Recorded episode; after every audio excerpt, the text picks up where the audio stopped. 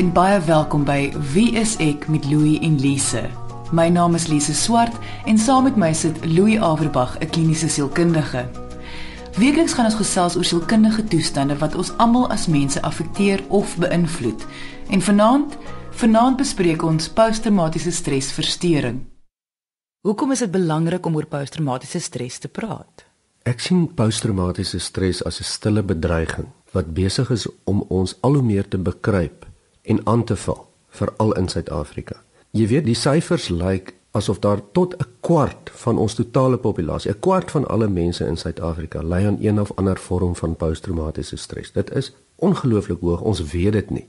Die ergste hiervan is dat meeste mense wat hieraan ly of 'n vorm hiervan het, besef dit nie en dink dat daar groot foute is met hulle, dat daar foute is met hulle koppe.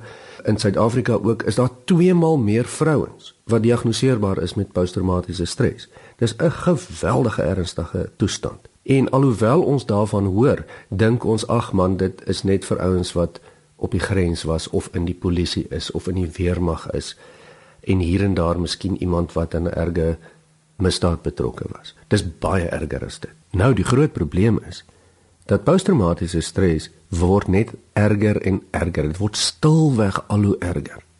So as jy nie bewus is daarvan nie, dan kan dit net erger en erger word. Ja, soveel so dat na 'n jaar of 2 of 3 dat jou gesin of jou familie of vriende agterkom, maar luister, daar's groot fout met jou. En jy sê ook maar iets is nie lekker met my nie. Maar jy het nie 'n idee wat dit is nie. Wat presies is posttraumatiese stresversteuring?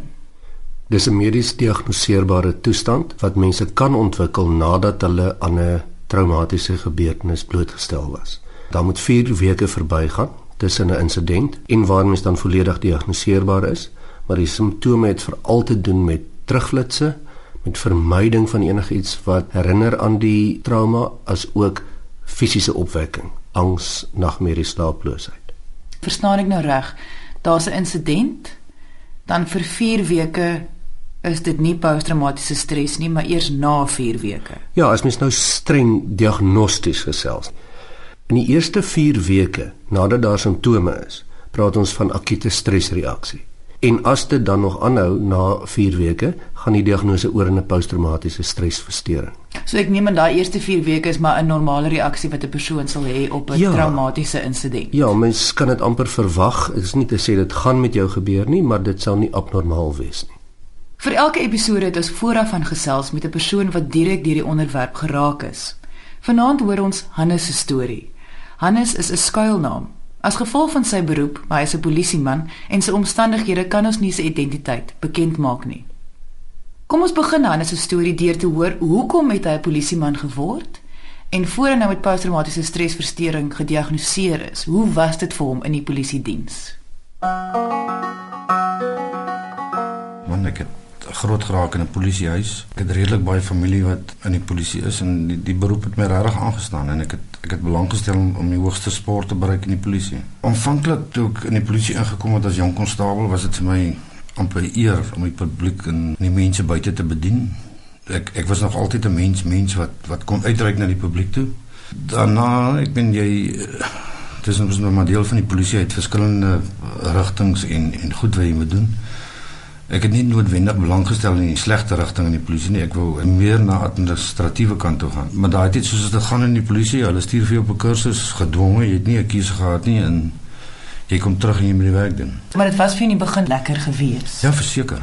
Kyk, Hannes is al meer as 30 jaar 'n polisieman en hy was ook 'n baie suksesvolle polisieman. Hy was 'n offisier gewees tot en met ongeveer 10 jaar terug. Hy is nog steeds en was stasiebevelvoerder van verskillende takke. Hy het gespesialiseerde misdaadondersoek ge, gedoen en dit is 'n man wat passievol oor sy werk was.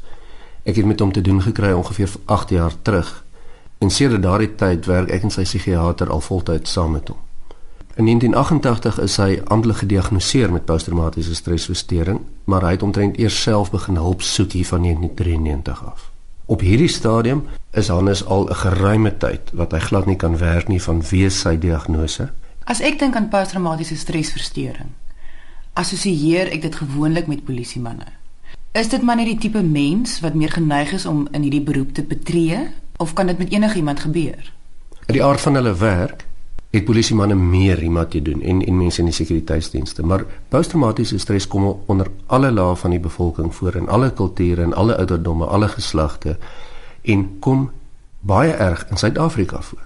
Veral met ons weer eens ons hoë geweldsmisdaadsyfer. So ons gebruik Hannes is 'n voorbeeld en is 'n ekstreme voorbeeld van posttraumatiese stres. Ek wil graag byvoeg dat in my 20 jaar van privaat praktyk is Hannes die persoon wat die ergste vorm van posttraumatiese stres onderlede het wat ek persoonlik nog gesien het.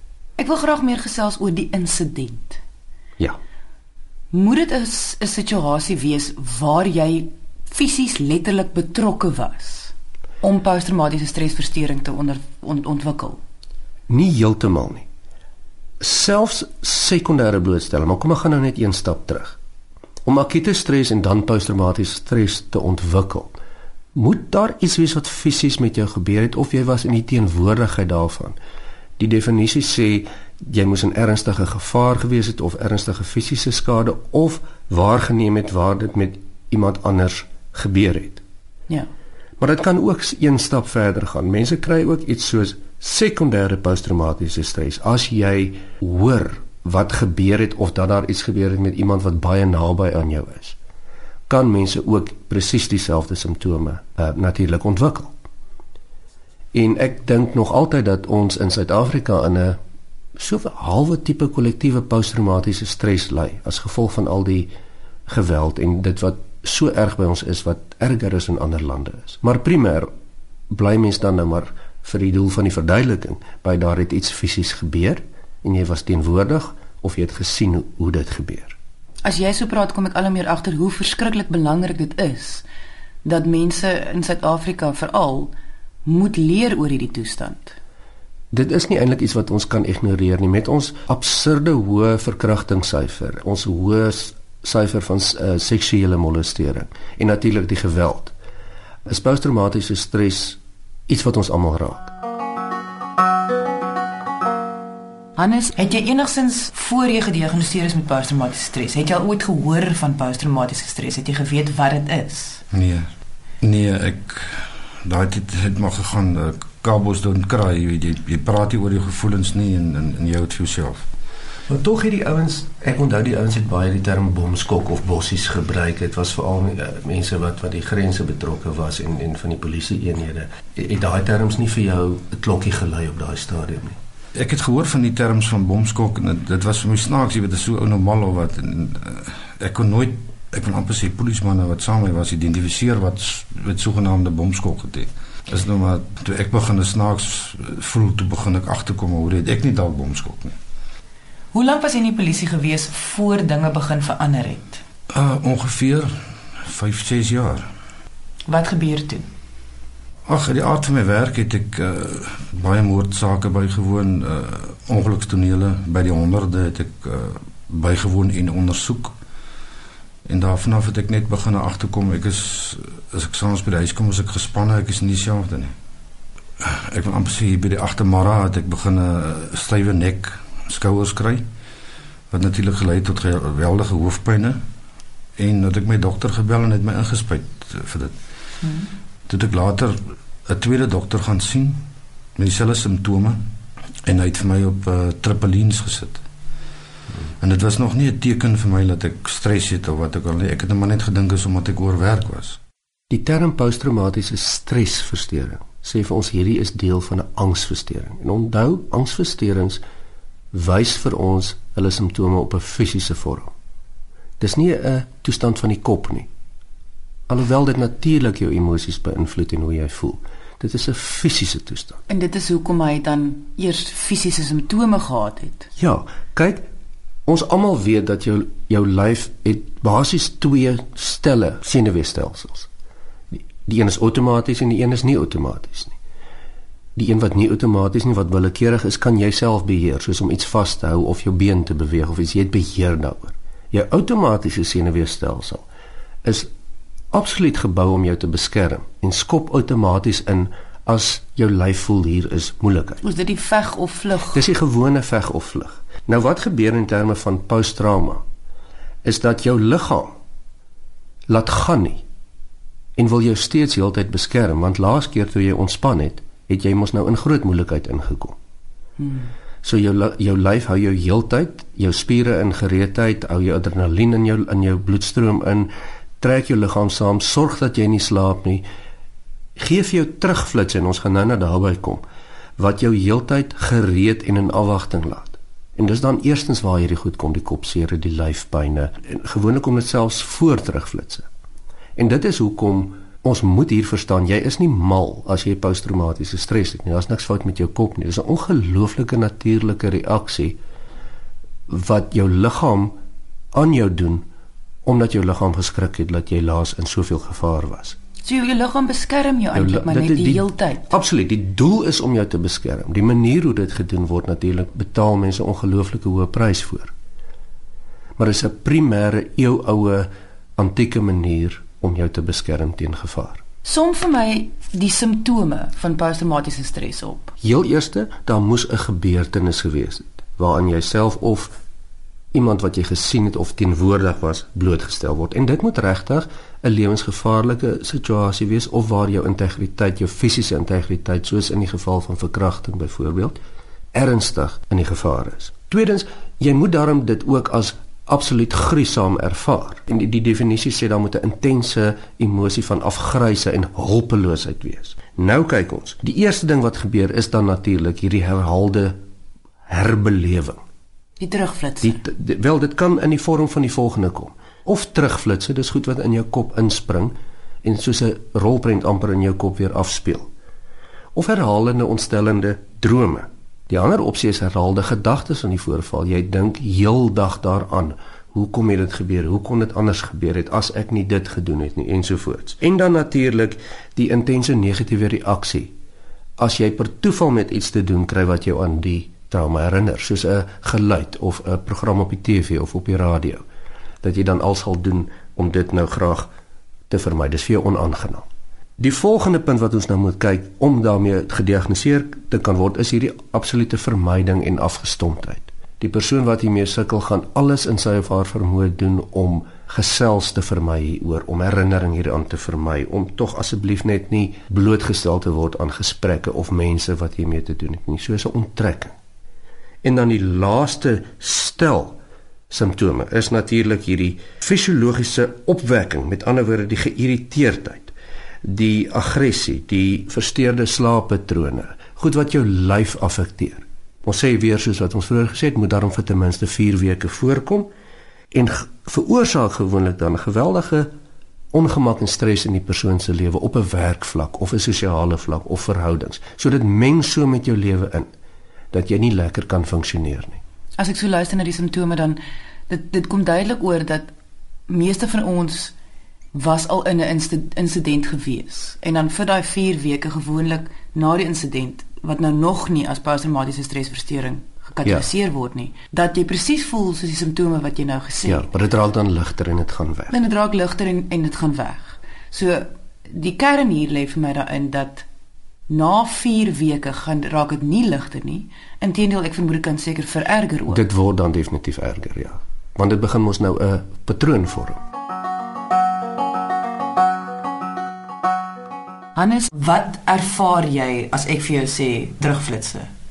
Kyk, jy kry natuurlik geweldige drome en nagmerries elke nag. Die hele toneel speel vir jou af. Met die gevolg as jy in die oggend opstaan as jy nog môre as jy gaan slaap het. En dan hierdie dag, jy weet verskillende reuke op ongelukstonele of by moordtonele bly die hele tyd in jou mond of in jou hande of in jou klere. So jy wil ek wil amper sê daagliks elke minuut herinner aan. Ja, dit is eintlik moeilik om weg te kom van. So jy vermy daai tipe situasies. Ek was 'n uh, ongeluksondersoeker en die een toneel wat ek gedoen het was dat 23 persone dood waarvan 21 kinders was. Nou as dit liggame was wat daar gelê het, is dit is dit okay maar 'n stukke vleis. En is dit die tipe goed wat in terugflits na jou toe terugkom? Dis korrek. Is dit net een toneel gewees of was dit 'n sameloop van 'n klomp tonele? Nee, dis definitief 'n sameloop van tientalle tonele. Maar in jou terugflitsse is dit meer gefokus op een toneel? Ek het dit dan af dit is nie elke dag dieselfde nie. Ek ek sou byvoorbeeld een dag ingaan en wat dink ek aan 'n aan 'n toneel waar liggame uitgebrand het. Die reuk van daai brand dit sou my pla vir 2 of 3 dae en ek slaam my worstel. Ander tye is dit weer 'n 'n taxi en 'n trok wat in mekaar was wat wat jy ook maar net stukke vleis uitgehaal het. Ehm um, ander tye is dit ander tonele. So ek kan nie So dis 'n mengsel van ja, terugflitse reuke sintuiglike ervarings, nê. Nee. ja, Presies soos ek daar gesê het. Jy sien terugflitse kom in enige vorm van jou sintuie voor. Gewoonlik visueel, maar in erge terugflitse kan dit in reuke voorkom, geluide, 'n gevoel op jou vel en meeste mense sal 'n terugflits of visueel ervaar of 'n reuk of 'n geluid kan dit sneller. Dit mag dalk vir ander mense wat in soortgelyke omstandighede as Hannes was, klink asof dit nou dalk onnodig is hierdie terugflits want hulle ervaar dit dan nie. Eerstens, almal kry nie noodwendig die simptome nie, maar in Hannes se geval waar daar verskeie gevalle was en herhaalde blootstelling was, is dit iets wat soos 'n sneeubal opgebou het. En wil ek amper sê ek weet nie van een persoon wat nie hierdie simptome sou gehad het nie. As hulle in Hannes se situasie was. nie. Absoluut. Tydens die onderhoud, toe Hannes vertel het van sy terugflitsse, het jy hom gestop. Ja, as mens sukkel met posttraumatiese stres of akute stresversteuring, wil jy ten alle koste nie hierdie goed weer herbeleef nie. Ons moet onthou dis soos om in tyd terug te reis en weer te gaan voel hoe dit was presies toe dit gebeur het. So ons probeer vermy in die behandeling en ook sommer in die gesels hiermee om mense se geheue te veel te prikkel. En te sê gaan on, onthou hoe was dit en en wat het jy daar gesien en selfs net deur te praat daaroor het ons gekom of het ek agtergekom dat Hannes Herleef dit. herleef dit. Mens Hy kry terugflitsse en dit Ja. is ongelooflik onaangenaam en iets wat mens vir niemand toewens nie. selfs na 15 jaar. O ja, die mite hierso is dat mense dink die simptome gaan self weg. As daai 4 weke verby is en jy het 'n diagnose van posttraumatiese stresversteuring, gaan die simptome gewoonlik nie self weg nie. Trouwens, dit word erger. Jy luister na Wie is ek met Louie en Lise. Hoe sal jy jou ervaring en jou posttraumatiese stres opsom? Ek dink die die die die groot ding is jy is die, is die geestelike kant van die van die saak. Jy begin later die mense om jou, jou vriende, wat ek wil jy begin niks voel vir die mense nie. As iemand doodgaan in jou familie of 'n naaste vriend, lag jy daaroor. Jy jy het nie beheer oor daai tipe emosie wat die normale ou het nie. Jou gevoel gaan dood. Dis moeilik om te hoor as 'n persoon so iets sê. Ja, Is dit algemeen absoluut. as dit kom by iemand wat posttraumatiese stres het? Dit is absoluut algemeen. Dit is trouwens een van die kernsimptome. Is daai vermyding, sosiale onttrekking. Onthou dit is 'n geweldige kruis om te dra en dit mense voel skaam daaroor. Jy wil nie 'n terugflits of 'n paniekaanval beleef voor jou vriende of jou familie nie. Ons ons onttrek liewers dan kan niemand my sien nie. Hy is in 1988 gediagnoseer met posttraumatiese stresversteuring, maar hy het eers in 1993 hulp gaan soek. Indien hy besluit het om al in 1988 die hulp te kry, sou hierdie simptoom, hierdie afsluiting, hierdie onttrekking al verbeter het. Ek glo so ja. Dit is 'n baie eenvoudige beginsel. Hoe vinniger die behandeling begin, hoe minder intens oor die algemeen sal die simptome wees en hoe vroeër sal dit weggaan. Hoekom is dit so belangrik om te weet van sy werksomstandighede as ons vanaand net praat oor die toestand van posttraumatiese stresversteuring? Al die navorsing oor posttraumatiese stresversteuring wys dat sin, betekenis van hoe jy jou simptome opgedoen het, is amper kern vir die herstel daarvan. Byvoorbeeld, iemand wat in 'n oorlog veg en geweldig baie ontberings en trauma moet deurgaan vir 'n saak waarna hy of sy baie ernstig glo. So daar's 'n rede hoekom ek so swaar kry. Kan baie makliker hiermee werk of of met die simptome hanteer of verbetering toon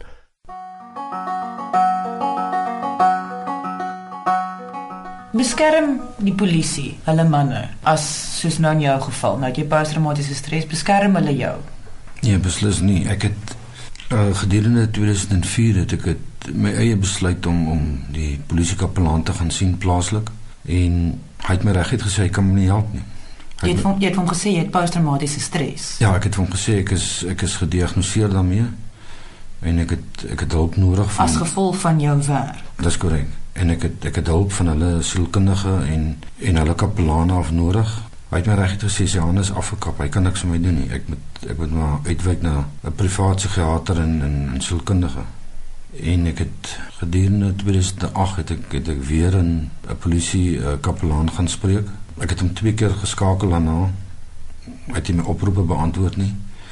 Ag dis asof daar deur in jou gesig toe gemaak word. Jy moet maar op jou mediese fonds staat maak en hoop hulle betaal jou jou, jou private psigiater en sielkundige, want dis die mense wat jou ek wil amper sê reg ophou. Maar hoe voel jy daaroor dat jy het posttraumatiese stres opgedoen deur 'n polisieman te wees, maar jou baase is nie bereid, ek neem maar om die woord verantwoordelikheid selfs daarvoor te vat nie.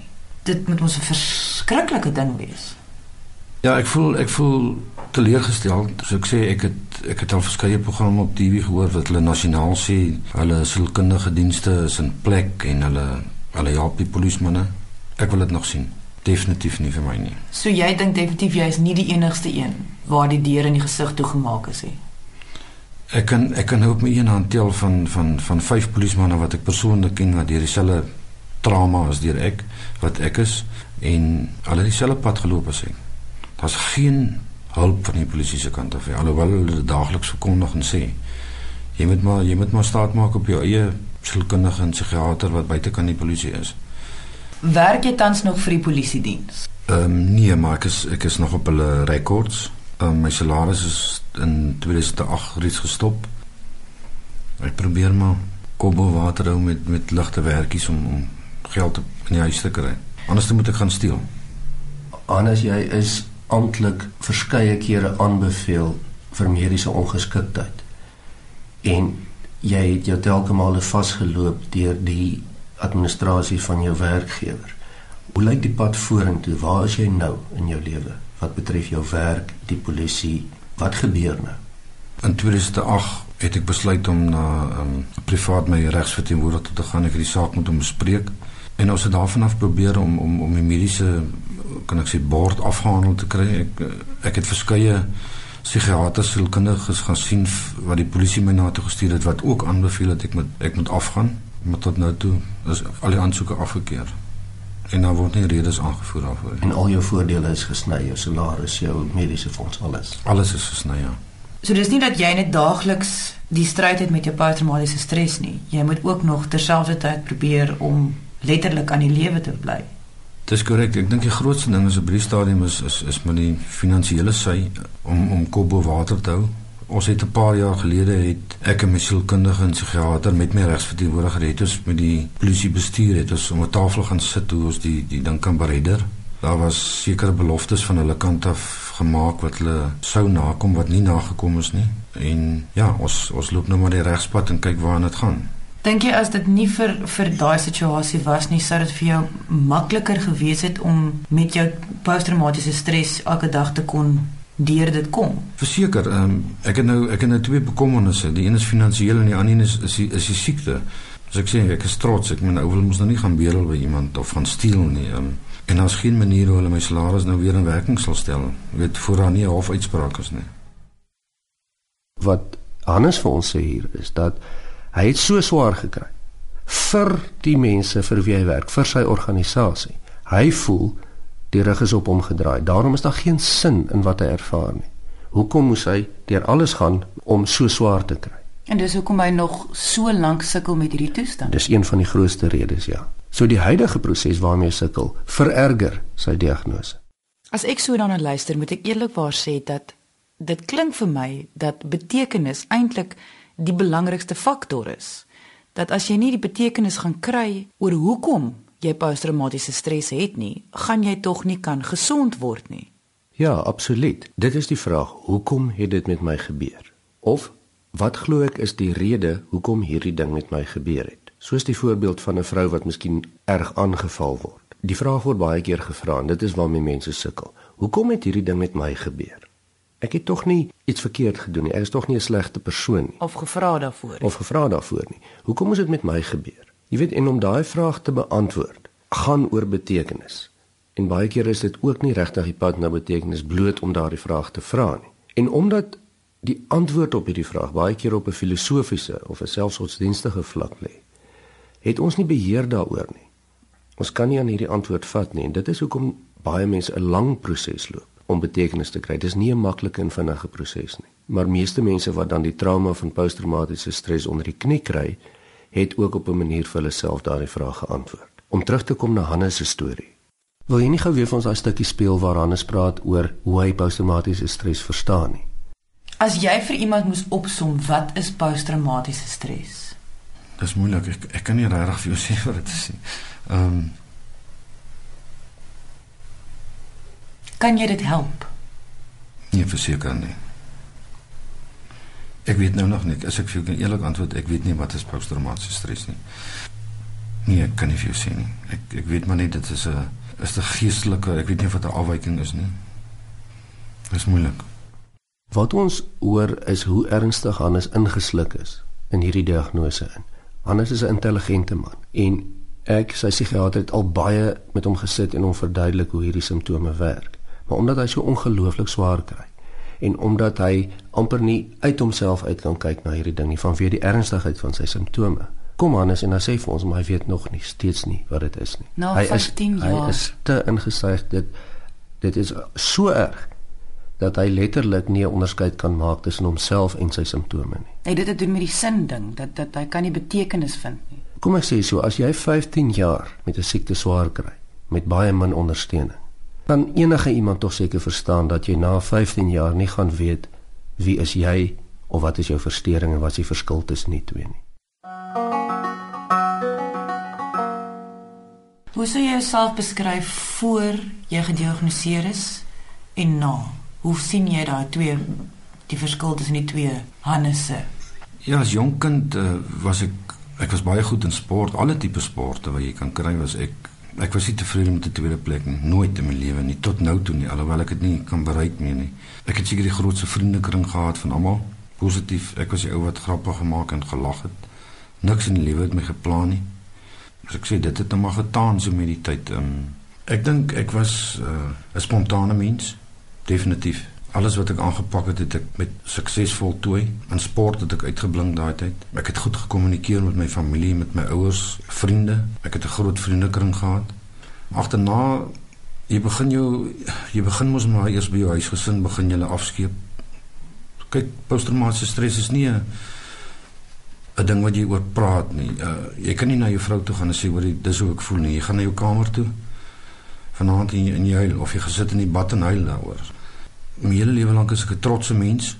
Jy het vir jou ek wil amper sê 'n trappie daar gestel wat jy nie wil van afklim nie. Dis hoekom jy jy hou dit binne jouself. Dit was vir my moeilik om uit te reik na sielkundiges en in in psigiaters toe. Ek het net besef ek moes dit doen. Ehm um, dis hoekom dit ook moeilik is om jou, met jou huismense of selfs met jou naaste familie of vriende te praat daaroor. Want jy voel soos 'n ou wat verstoot is of melaats is. Hy verwys 'n paar keer na sy trots en hoe skaam hy voel oor sy siekte. Ja. Hoe groot rol speel sy trots in die gesond word proses? Dit kan 'n positiewe of 'n negatiewe faktor wees. Dit kan positief wees deurdat ons kan sê Hannes is 'n trotse man en hy wil graag veg en van hierdie ons simptome ontslaa raak en hy wil graag beter word. Maar na 15 jaar kry mense trots ook 'n erg knou. Onthou hy's 'n polisieman wat die keuse gemaak het om mense te beskerm. Hy's 'n sterker figuur. Hy's 'n ou wat altyd uitgestyg het in alles wat hy gedoen het. Hy's die pa in sy gesin. Hy's die hoof van 'n gesin en 'n familie. Sy trots het 'n geweldige knak gekry, want hy voel skaam daaroor en ek verstaan dit. Hy hoef nie skaam te voel nie, want dit is nie sy skuld nie. Maar ek sou seker ook so gevoel het as ek hy was. En die groot ding is mens kan duidelik agterkom dat hy kan nie onderskeid maak tussen sy siekte en wie hy is nie. Ja. Ja. Dit dit is nou al so saamgesmelt in sy kop. Want dit is ook as gevolg van die stigma van geestesversteurings, jy weet. Min mense is skaam om te sê, luister julle, ek het 'n ernstige longontsteking. Ek kan nie gaan werk nie, ek kan nie oefen nie, ek kan nie eers met julle praat nie, so erg voel ek. Vir een of ander rede dan is mense nie skaam nie. Maar as ek sê ek ly aan 'n gespesialiseerde geestesversteuring wat gebeur het nie as gevolg van my eie toedoen nie, Wat ook 'n mediese mediese wat diagnose presies is. dieselfde ding is, dan voel ons skaam want ons voel nee genade, ek is swak. Daar's iets fout met my dat dit so gebeur het. Jy luister na Wie is ek met Louie en Lise. Jy is bewus daarvan dat jou toestand is iets apart van wie jy is. Ervaar jy dit so? Ek kan vaar dit so want ek wil nie so wees nie. Ehm um, soos ek sê ek was vroeër was ek die mees positiefste ou wat daar is. Ek wou en alles die beste wees. En jy skaam daaroor. Jy kan nie nou daai hoogste sport bereik nie en en dis hoekom jy vir niemand sê wat jou toestand is nie. Jy probeer wegkry. Want dit voel asof dit is nou maar wie jy is. Jy is nou maar 'n posttraumatiese stres persoon. Dit voel of jy of jy in jouself gefaal het. Jy weet nie hoe om weer daai trap te klim om om om positief te wees nie, om, om weer normaal te wees nie. Goed, daar's hulpmiddels daar buite. Jy kan pille drink, maar nog steeds, um, dis alles in die mind. Jy moet jy moet self besluit, luister, ek wil daai trappie klim, maar jy weet nie hoe nie. Hier het nou baie duidelik uitgekom hoe hy dit nie kan apart sien van mekaar nie. Ja. En dis nie dat hy nie wil nie. Dit is hoe dit voel.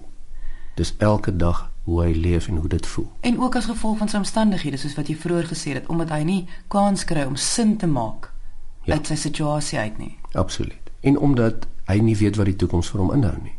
Hy weet nie of hy môre nog inkomste gaan hê nie. Hy het in elk geval nie meer nie.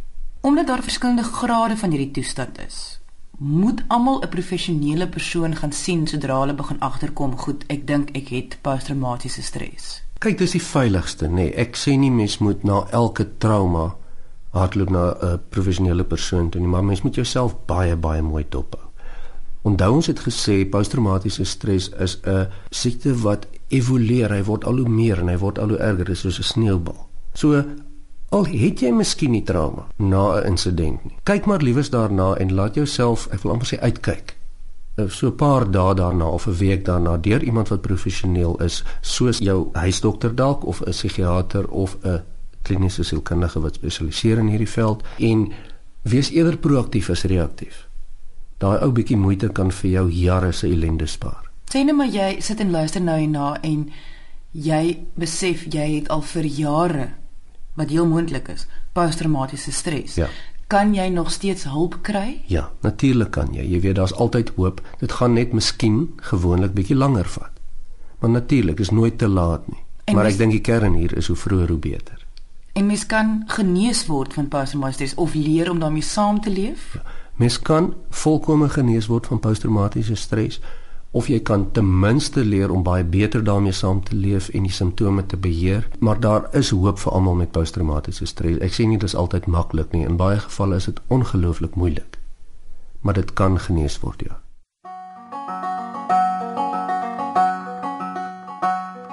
Jy het net gesê dat jy op 'n stadium besef jy moet hulp gaan kry, jy moet 'n sielkundige of 'n psigiatër gaan sien. Wat was daai punt? Ek het in 2003 het ek 'n sogenaamde hartaanval gehad, baie ernstig. Ek is aanvanklik by die hospitaal gediagnoseer met 'n hartaanval waarop die spesialis 'n uur of twee later uh, self ingekom het gesê dis nie 'n hartaanval nie, maar wel 'n panic attack soos sy woorde was. Maar voor dit het ek basies dieselfde simptome gehad, maar net 'n baie ligter trant. En soos ek sê, ek was maar gereeld dokter toe en uh, inspuiting hier, inspuiting daar en, en jy het dit maar self probeer verwerk. Maar toe die spesialiste nou sê dis 'n panic attack, het my toe verwys na 'n psigiater toe en daar het ek toe maar probeer hulp kry. Medikasie, was dit vir jou 'n moeilike besluit gewees? Ja, dit was, maar ek was aanvanklik was ek gedwonge om medikasie te drink want ek was in 'n in 'n kliniek uh vir geestelis gestemdheid was ek opgeneem en daar was ons verplig gewees om om die medikasie te neem. En het dit gehelp?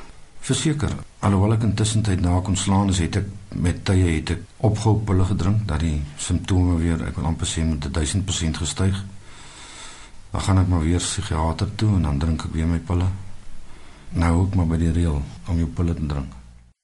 Medikasie is vir my 'n baie belangrike vraag want daar is soveel mense wat nie wil pille drink nie en dit klink vir my Hannes wou ook nie. Ja. Natuurlik omdat mense ook trots is, nê? Nee? En dit is ook gewoonlik 'n erkenning van hier is 'n probleem. Maar kom ons moet mekaar ook nou baie goed verstaan. Die oomblik as jy diagnoseerbaar is met posttraumatiese stresversteuring, het jy moeilikheid. Dis nie 'n grap nie. En onthou ons het gesê hierdie simptome vat jou eers op 'n fisiese manier vas. Slaaploosheid, angstige gevoel, spiersamentrekkings. Die vinnigste en die maklikste manier om ten minste dit aan te val is met medikasie. Want ek wat jou, ekskuus, wat ek net sê wat jou sentrale senuweestelsel help om jou bietjie uit te los. Dis al wat dit is. Dit is nie koppille nie. Medikasie vir posttraumatiese stres is angsverwante medikasie. En oor die algemeen word dit baie moeilik behandel en kan mens baie baie moeilik die ding onder beheer kry sonder medikasie. Ek sê nie dis onmoontlik nie, maar dis regtig moeiliker. Jy weet, en ek dink daar's meer dinge om oor te bekommer met posttraumatiese stres, soos terugflitsse, nagmerries, hoe jy voel, jou selfbeeld wat daar gepaard gaan, as wat jy nou nog onnodig hoef te sukkel met fisiese simptome ook. Die medikasie sê eintlik maar net vir jou lyf, jy hoef nie meer daai veg of vlug stans in te neem nie. Ja, en onthou, dit die medikasie moet beklei om daai boodskap by jou lyf uit te kry. Dan moet tog nou meer en meer polisiemanne uitkom wat erken dat hulle het posttraumatiese stres of mens hoor meer daarvan. Het jy simpatie daarmee? Ek het verseker simpatie met sulke polismanne. Die probleem is ons praat nie daaroor nie. Ek kan nie sê of dit die man ding is nie of dit die polisman ding is nie. Jy trots, jy jy jy skaam jou jou mede-kollega of jou vrou of jou kind of jou familie vind uit jy jy ly aan hierdie malaatse siekte. So ek het regtig waar ek het simpatie met die ander manne wat daar buite is. Soos ons nou weet, posttraumatiese stres is nie net 'n toestand waaraan polisiemanne ly nie. Enige mens kan daaraan ly. Het jy as kliniese sielkundige vir ons raad? Ja, besef net sommer van die begin af. Enige iemand kan posttraumatiese stres kry. Dit is iets wat oor alle geslagte, alle kulture, alle ouderdom heen mens aanval. En mens moet onthou met net om met Hannes nou gepraat het as 'n polisieman.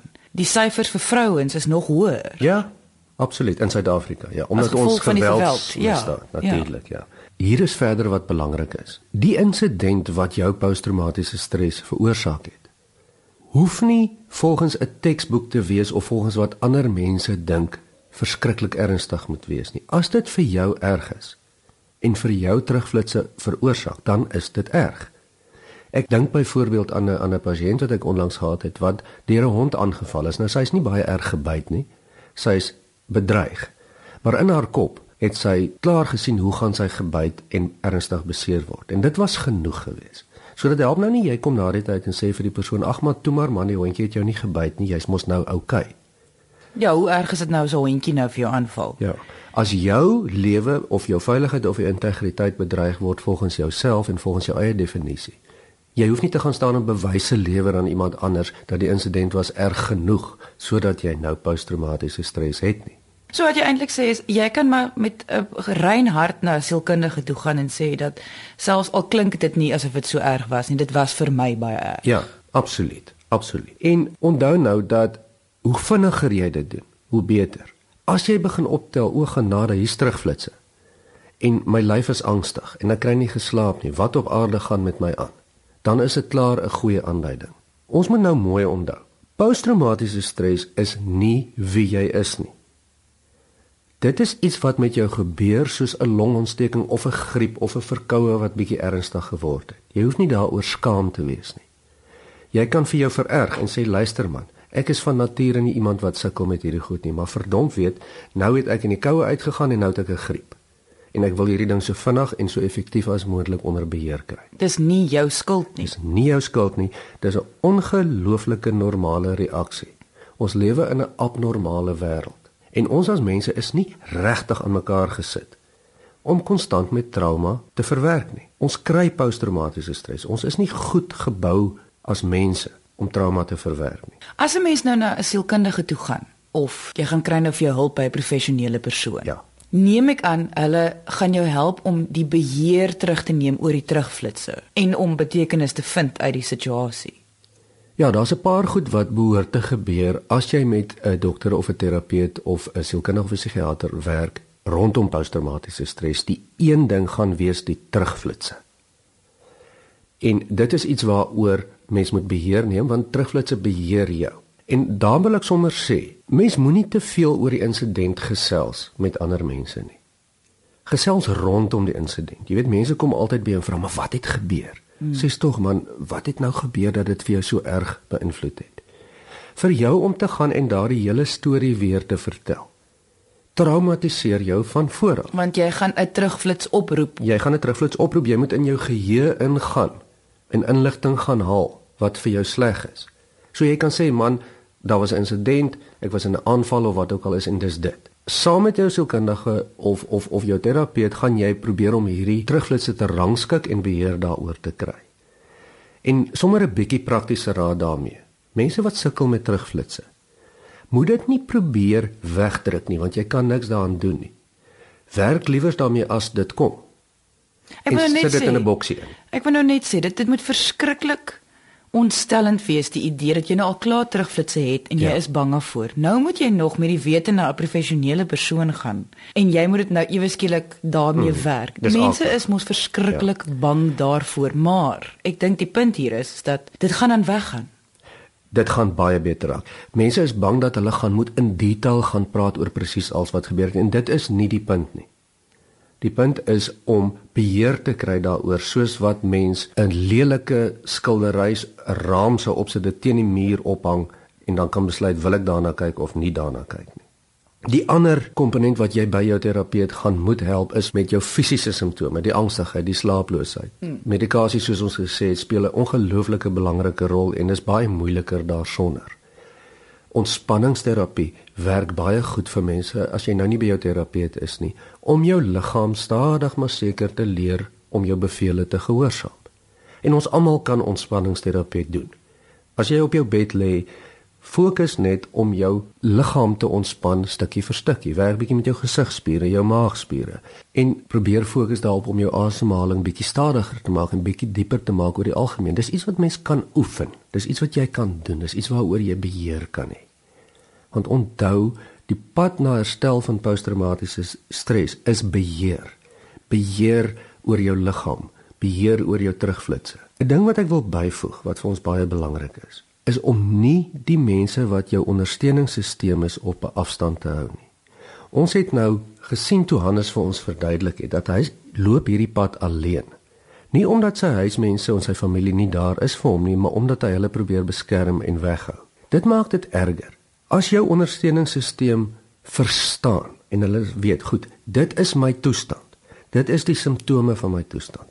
Wanneer ek so stil raak of baie rag raak, is dit hoekom dit gebeur. As ek in die aande nie kan slaap nie, dit is die rede. Mense kom baie makliker saam deur 'n ding. Mense wat 'n sterk ondersteuningssisteem het wat na hulle luister en hulle verstaan, kom baie makliker deur posttraumatiese stres, maar dan moet jy daarom ook van jou kant af iets doen om hulle te betrek. Ek dink Hannes is eintlik die beste voorbeeld om te wys oor wat 'n mens nie moet doen nie.